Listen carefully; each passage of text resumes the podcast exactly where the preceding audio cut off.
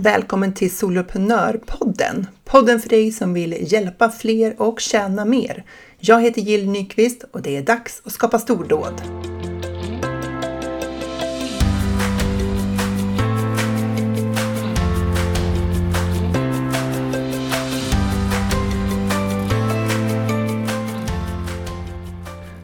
Den första mars firade mitt företag fyra år och jag är glad och tacksam för allt som har hänt under de här åren. Samtidigt som det har varit ett par underliga veckor sedan kriget bröt ut i Ukraina. Så nära oss. Det var någon som skrev så här 69 mil från Gotland. Jag vet inte om det stämmer, men det är inte långt bort.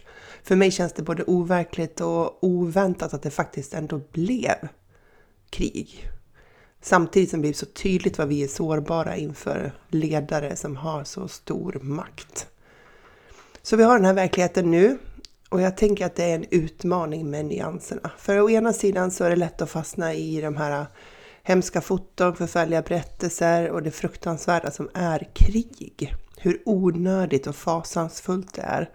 Och i tankar om ja, men vad kommer hända här framöver. Liksom. Kommer det sprida sig över världen? Tankar på folket som är utsatta, individer, föräldrar, barn, familjer. Och samtidigt som allt det här finns så pågår vårt liv här och nu. Med allt som vi står inför. De drömmar och ambitioner som vi har. Som på ett sätt kan kännas helt oviktiga i förhållande till det där stora, grymma. Och på ett annat sätt kanske viktigare än någonsin. För du gör gott i världen med ditt företagande. Du hjälper människor varje dag med det som är deras utmaningar i deras vardag. Och det kan aldrig vara en oviktig sak. Du behöver fortsätta göra det du gör för att bidra till mer godhet i världen. På samma sätt så ser vi alla som sluter upp kring Ukraina nu visa sitt stöd på otaliga sätt. Allt ifrån Facebook-profiler, ljusfärgade byggnader till insamling av kläder och pengar. Företag som ändrar sina policies, inför gratissamtal, erbjuder arbete. Och det är inte företag som fattar sådana här beslut. Det är människor som tar ställning och gör vad de kan av de möjligheter de har. Och sen har vi alla som bidrar på mängder av olika sätt utan att berätta om det. Som i tysthet donerar pengar eller skänker kläder eller pratar med sina barn på ett bra sätt eller bidrar till att nyansera bilden i olika privata diskussioner och så vidare. Och jag tänker att vi behöver göra det också. Alltså, vi alla bidrar på det sätt vi kan. Du vet vad du kan göra för att stötta direkt eller indirekt. Jag har, och jag har sett att många andra också har kämpat med hur man liksom bedriver sitt företag och sin vanliga kommunikation i det här läget. Jag tror att vi är många som inte vill agera okänsligt inför allvaret i situationen och för alla drabbade, av respekt för alla drabbade. Den där märkliga känslan av hot och oro och allvar som finns. Samtidigt som barnen ska till skolan, middagen ska lagas och någon fyller år. Kan man vara glad och ha en vardag när ett krig har brutit ut? Vi vill ju inte framstå som okänsliga inför andra, men heller inte inför oss själva. För vad, vad är jag för en person som kan fortsätta göra mitt jobb, kommunicera mina tjänster, mina budskap? Det pågår ju ett krig lätt att tänka att det måste betyda att jag är ovanligt känns, okänslig och hemsk som person. Som om vi genom att pausa våra liv och vårt företagande skulle hjälpa en enda familj i Ukraina. Eller att alla i Ryssland som inte tycker att det här är deras krig, att det skulle hjälpa dem. Jag såg en kvinna från Ryssland som postade i en grupp för New Sendler häromdagen. Det var så tydligt att hon inte hade valt den här ledaren. Hon kallade honom självutnämnd och att krig inte var någonting som någon frisk människa ville ha. Vilken nytta har de av att vi skulle pausa allt vi gjorde? Jag tänker att de rimligen har större nytta av att vi agerar, skänker pengar, kläder, visar vårt stöd på olika sätt än vad de har av alla våra övriga känslor. Sen finns de ju där i alla fall såklart, alla våra övriga känslor. Vi är ju oroliga, vi är frustrerade, vi tycker att det är meningslöst, orimligt och fruktansvärt. Vi ser bilderna, filmerna, berättelserna om de drabbade människorna. Och det är klart att det påverkar oss, de flesta av oss i alla fall. Och det är ju lätt att hamna i tankar om att det vi gör här i vardagen känns futtigt och oviktigt. Det här är ju ett läge där vi behöver hantera både och. Både mörker och ljus, det onda med det goda. Vi behöver känna alla de här känslorna kring kriget och dess vanmakt. samtidigt som vi förstår, fortsätter med vårt arbete här och nu. Vi människor kan vara ledsna, oroliga, frustrerade samtidigt som vi också bär på glädje och hopp. Det är inte antingen eller, det är både och. Människor lyfter, inspirerar och hjälper varandra och människor startar krig, bombar och förstör för varandra. Det är både och. Så har det alltid varit. Det betyder inte att vi ska acceptera grymhet som i att det är okej. Okay. Men det betyder ju att vi behöver hjälpa oss själva i att komma ihåg att se allt det andra också. Runt om i världen sker tusentals goda handlingar och du är en av dem som gör goda handlingar. För Ukraina och för att världen i allmänhet ska bli lite ljusare. Minska lidandet där du kan. Det är därför det är viktigt med ditt företag och de val du gör. Jag tänker att vi kan bidra till en samling kring de värden vi alla står för. En samling där vi alla bidrar med den del som vi kan, vår del, oavsett hur den ser ut. Att vi kan vara generösa mot varandra, låta alla hantera det här efter egen förmåga och sina egna tankar. En del kommer göra saker som du har åsikter om, en del kommer ha åsikter om det du gör. Och jag tänker att det inte finns ett sätt som är rätt att hantera den här krisen. Ett rätt sätt att förhålla sig till det här fruktansvärda som pågår. Men det finns ditt sätt och du gör det som du gör och det är tillräckligt bra. Och vi, om vi utgår från att alla gör vad de kan och att det är bra så bidrar vi ju alla till att vi gör mer gott i världen. När vi är anställda på ett företag så har ofta någon skapat kommunikationen kring hur det här företaget förhåller sig till en kris, oavsett vilken det är. Det finns någonting att hålla sig i, ett budskap som man upprepar eller planer att utföra, ofta skapade av någon annan. När vi driver eget, då behöver vi skapa och förtydliga vårt eget förhållningssätt och agerande. Precis som allt annat kring företagande behöver vi ta fullt ansvar själva. Och det är en av många anledningar till att inte alla vill driva företag. Alla vill inte köra eget, för det blir för stort, det blir för mycket ansvar, för mycket fokus på mig och mina beslut. Kanske för ensamt eller slitsamt och så vidare. Och därför blir det extra viktigt att göra som många av oss har gjort nu. Stanna upp och känna efter var vi står. För att vi behöver ta ut ny bäring framåt. Ge oss själva ett andrum att reflektera och ta ut riktningen igen. Jag skrev ett inlägg på LinkedIn häromdagen och fick en ilsken kommentar om att jag inte skulle... han tyckte inte att jag skulle glorifiera företagande, för det var minsann ingen dans på rosor. Han hade själv erfarenhet och det var tufft. Och ja, skälen till varför vi startar företag kan ju vara sådana som frihet, få bestämma själva, jobba med det vi brinner för, platsoberoende och så vidare. Det kan ju alltid vara våra drivkrafter och sen är det ju olika hur det faller ut. De flesta jag träffar jobbar mycket, som i många timmar, särskilt de första åren. Och det gjorde jag också. Jag ville ha fria ytor att skapa på. Jag ville ha den där friheten att äga min tid, att äga mina beslut, friheten att skapa det jag ville för att se om det skulle flyga eller inte. Att få jobba hemifrån med de personer jag ville och på ett friare sätt. Det var mina drivkrafter för att starta mitt företag och som gjorde att jag klev ut från min trygga anställning den 28 februari 2018 för att den 1 mars påbörja min företagsresa eh, med, ja, noll kunder.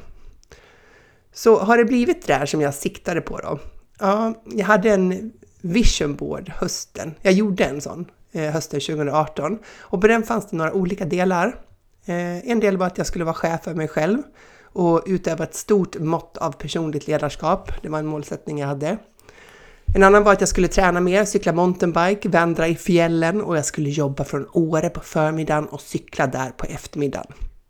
Och sen skulle jag hjälpa föräldrar, främst mammor, att få en smidigare vardag där de kunde må bättre samtidigt som de hjälpte sina barn. Jag skulle utvecklas genom att följa upp siffror, mäta saker. Det hade jag också med på min vision board. Och det sista var att jag skulle renovera mitt galet slitna hem. Någonting som liksom aldrig har kommit upp på priolistan tidigare och det var hög tid. Och ja, jag har uppvisat ett stort mått av personligt ledarskap. Jag har verkligen övat mig på att ta ansvar för alla delar av mitt liv. Att hela tiden hålla fokus på min del. Vad kan jag påverka? Och försöka släppa det som ligger utanför min kontroll. Jag har kavlat upp ärmarna och gjort vardagssakerna även när de har känts tråkiga. Jag har hanterat motgångar, kritik och oväntade åsikter. Och jag har lärt mig mycket om mig själv. Ibland känns det som att ju mer man jobbar med sin personliga utveckling, desto mer inser man vad man har kvar. Jag har övat på att hantera obehagliga känslor och det är verkligen svårt. Att bara få låta obehag vara i kroppen utan att behöva fixa eller lösa det. Jag tror verkligen att det är där stordåden bor. Att inte vara rädd för att känna obehagliga känslor, det gör oss ostoppbara. För jag tror inte på att sikta på att det inte ska finnas några jobbiga känslor, att de inte ska få komma fram. Jag tror inte det leder till något gott. Eh, för det är liksom en del av ja, att vara människa, vår upplevelse att vara människa. Däremot så tror jag att jag kan bli bättre på att vara i dem utan att ha så bråttom därifrån. Och eh, liksom, acceptera att det är inte farligt att känna obehagliga känslor. Det är inte farligt att känna sig missförstådd, kritiserad eller osäker. Jag kan låta de där känslorna ta sin plats en stund. Och kanske har du också känslor som du också behöver vara i ibland utan att egentligen faktiskt behöva lösa dem. Och poängen med att Eh, bli vän med att känna obehagliga känslor är ju att vi inte behöver låta rädslan för att uppleva de här obehagliga känslorna hindra oss från det vi, tyck, det vi vet att vi behöver göra i våra företag här och nu. För det kan bli så att bara tanken på att det kan bli obehagligt längre fram kan få oss att sluta göra saker här och nu i vardagen. Och eh, även om jag har övat på alla de här grejerna så har jag en lång resa kvar. Jag är verkligen inte framme där. Det känns som ett livsprojekt det där. Sen var det det där med att jobba i Åre och cykla på eftermiddagarna. Uh, well, det vet jag inte riktigt hur jag tänkte. Skulle jag lämna familjen och åka dit och jobba själv? uh, nej, nej, inte just nu. Inte där jag är i livet. Jag vill ju vara här med familjen, men jag har för första gången vandrat i fjällen några dagar och det gjorde jag höstas med en kompis för första gången och det var ju helt fantastiskt. Och jag har en resa bokad till Tryssel för skidåkning med ett gäng entreprenörer. Så det känns ju riktigt lyxigt och jag ser verkligen fram emot det. Eh, Mammorna jag skulle hjälpa utökades till soloprenörer, främst kvinnor som driver företag online. För all del så har jag några män som kunder också, men det är flest kvinnor. Och sen den där tavlan gjordes så har ju soloprenörbenet tillkommit i mitt företag. Och Soloprenör firar också födelsedag 1 mars 2022. Då blir det faktiskt två år som jag har hållit på med det, den delen av mitt företag. Och så skulle jag bli bättre på siffror och mäta saker. Och visst har jag blivit bättre på att följa upp. Samtidigt kan jag göra så mycket mer här. Utan att fastna i detaljer så är det ändå lärorikt att titta på fakta och inte alltid utgå från känslan. För känslan leder oss inte alltid rätt i analysen om till exempel hur en lansering gick. Bättre att titta på siffrorna. Eller har dem också. Och den sista punkten var ju att jag skulle renovera hemmet. Och det har äntligen blivit gjort. Nya golv, tapeter, innerdörrar, nylackade garderobsdörrar. En del möbler från 1900 fryser fast har blivit utbytta. Helt otroligt. Det kändes så galet långt borta och nu har jag äntligen fått det gjort. Det tog typ ett helt år att göra det där, eh, för att vissa saker hanterar jag inte så snabbt, även om vi tog hjälp. Men vilken känsla att få liksom levla upp hela hemmet. Jag är så glad och tacksam för det. Att bara landa i det här. Jag har under de här fyra åren byggt upp ett företag från några tusen kronor i omsättning per år för jag hade ju den här boken jag sålde, till över en miljon kronor per år. Kunde jag tjänat mer pengar? Ja, absolut. Men eh, det kortsiktigt mest lönsamma, som då var att hyra ut mig själv som konsult på heltid, var inte det som jag långsiktigt ville göra med mitt företag. Jag vill tjäna mycket pengar i företaget, men inte på vilket sätt som helst. Jag vill fortsätta utveckla mina tjänster online och jobba skalbart. Att jobba skalbart ska ge mig samma inkomst men på färre antal dagar. Så jag är inte i målen. Men jag är på god väg och jag ska jobba färre timmar i år än tidigare år. Och det kommer att bli en utmaning för jag gillar att jobba. Eh, men jag vill också öva på att vara ledig mer. Och i år så tar jag upp hundträningen på allvar igen. Det har varit pausad, eh, den har varit pausad sen jag började jobba heltid i firman för att jag inte hade mental bandbredd att göra en enda sak till som krävde planering och koncentration. Eh, men nu, nu är det ett annat läge. Och jag måste bara ta tag i det här nu. Jag känner själv, eh, eh, alltså man känner ju sig själv, ja. Så att det allra lättaste för mig, det är bara att jobba på. Du kanske också har någonting sådär som du alltid hamnar tillbaka i, en grop du ramlar i om och om igen. Och när du faller ner i den där gropen så inser du att det här, det här känns ju väldigt bekant det här läget. Här har jag varit förut. Och så är det för mig och jobb. Jag har alltid jobbat mycket, även som anställd. Och med stort engagemang och fokus och ska jag vara ledig och lägga tid på annat än familjen så behöver jag verkligen leda mig själv i det. Det kommer inte bara av sig självt. Om jag hade förstått den 28 februari 2018 vad, som, vad jag liksom hade framför mig då när jag klev utanför dörren på min anställning, eh, då hade jag kanske inte trott att jag skulle klara det. Men jag var lyckligt ovetande om vad som krävdes för att driva eget online. Om jag, och jag var ovetandes om vad jag behövde lära mig, i alla steg, alla insikter, all teknik, alla strategier. När jag tänker tillbaka på vad jag visste då och vad jag har lärt mig nu så blir jag faktiskt lite matt. Alltså, jag tror inte du förstår vad jag var då. Hur lite jag visste om den här online-nischen. Medlemstjänster hade jag verkligen inte hört talas om och webbkurser kändes intressant men väldigt obskyrt. Sälja online kändes som en bedrift på Nobelprisnivå. Så om jag har lärt mig allt det här, byggt den här vardagen, det här företaget och det här varumärket eller varumärkena online, då kan du göra den resan också. Och du är ju redan där och kanske är du redan framme. För att eh, förmodligen så är det det här som är din vardag om du lyssnar på den här podden. Så frågan är ju om du ser din egen resa. Om du tänker tillbaka när du började, din första freebie, Första gången du hörde ordet freebie eller lead magnet eller kundmagnet, gratis grunka eller vilket ord som användes och undrade vad i hela friden det var för någonting. Ditt första webbinar, hur kändes det? Första gången kund, en kund köpte av dig, hur kändes det? Jag höll på att trilla av stolen första gången en person hörde av sig till mig och frågade efter min hjälp. Hände sånt verkligen på riktigt? Var inte det någonting, liksom, något försäljningsknep från de här som säljer kurser i marknadsföring? Eh, det här med att människor verkligen skulle söka upp en och fråga efter ens hjälp. Nu vet jag ju att det är så det funkar. Att det går att kliva fram och positionera sig kring vad vi vill hjälpa till med och vem vi vill hjälpa. Eller vilka vi vill hjälpa. Nu får jag löpande förfrågningar från nya kunder. Genom den här Eh, podden kanske, eller genom rekommendationer från andra som har jobbat med mig. Och jag är så otroligt tacksam att jag fattade det där beslutet om att testa det här med eget företag, även om det var så mycket som jag inte visste. Även om jag inte hade alla steg klart för mig. Planer och mål hade jag gott om. Du vet när man gör sin första budget och det kändes som att man bara gissar siffror. Hur många föreläsningar ska jag sälja? Ja, till vilket pris? Hur många konsulttimmar ska jag sälja? Till vilket pris?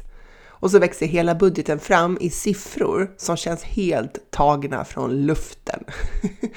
siffror helt utan substans för att vi aldrig har gjort det där förut när vi gör det för första gången. Vi har aldrig sålt de där grejerna tidigare. Allting är bara en hypotes. Men det är där vi börjar. Men det är ju inte där vi slutar. Och det är väl det allra sannaste rådet som jag har fått och som jag fortsätter att ge, för nu har jag upplevt det själv. Att det är bara att börja. Det låter så uppkäftigt det där med att man bara ska börja, för när man står där och inte har börjat, eller för all del är osäker på om det man gör faktiskt räknas som att man har börjat, då undrar man så här, vilka steg exakt är det det här handlar om egentligen? Vad betyder det att det är bara att börja? Vad ska jag göra nu? På vilket sätt? Till vilket pris? Till vem? Riktat mot vem? Skälet till att det där rådet är så bra är att vi inte kan få det där facitet vi är ute efter när vi startar någonting. Vi vill veta Eh, i förväg om vi gör rätt, väljer rätt, fattar rätt beslut. Men ju snabbare vi accepterar, liksom går med på att allt jobb vi gör ute på lagret är hypoteser. Huruvida de håller eller inte, om de är bra eller inte, det avgörs när vi låter våra skapelser träffa verkligheten. När vi har riktiga dialoger med kunder, när vi erbjuder våra tjänster utan att veta om de är rätt eller perfekta. Och det är då vi lär oss på riktigt och snabbt. Och det är obehagligt. Mycket bekvämare att fila på affärsplaner och färgsättningar på hemsidan och kanske byta e-postmarknadsföringssystem. Men det är inte där vi bygger våra företag. Vi måste ge oss ut och testa. Tillåta oss att upptäcka vad som funkar och inte utan att piska oss själva och se det som misslyckande om det inte säljer, om kunderna inte köper. Det här är en av anledningarna till att företag inte är för alla. Alltså att det inte är för alla att driva ett företag. För många, de flesta, de vill inte göra sånt. De vill inte utsätta sig för att stå för sin egen kunskap, kliva fram som experter eller tankeledare. De vill följa, ta rygg på någon annan, skapa stordåd där. Och det är verkligen inget fel på det alls. Men inget är för alla. Och att driva företag är verkligen inte för alla. Men eftersom du är här så tänker jag att det är för dig och jag vill hylla dig för det. För vi överskattar ofta vad vi kan åstadkomma på en dag och så underskattar vad vi kan åstadkomma på ett år. Eller kanske fyra år. Tänk dig fyra år, vilka stordåd du kan skapa då. Och jag har ju många saker kvar att öva på, många insikter som ska omsättas i praktiken, för jag lär mig hela tiden. Och särskilt när jag också får möjlighet att lära andra. Att liksom skapa den här tydligheten, träffsäkerheten i både ord och bild. Och så kommer det vara, fortsätta vara på din resa också. Din resa mot stordåd. Tack för att du är här!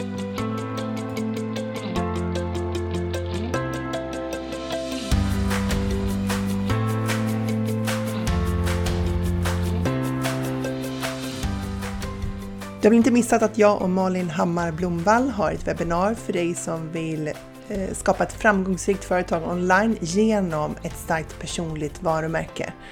Eh, 8 mars kör vi det. Du kan hitta anmälan inne på Instagram, eh, solopreneur.nu, så finns det en länk i profilen. Välkommen!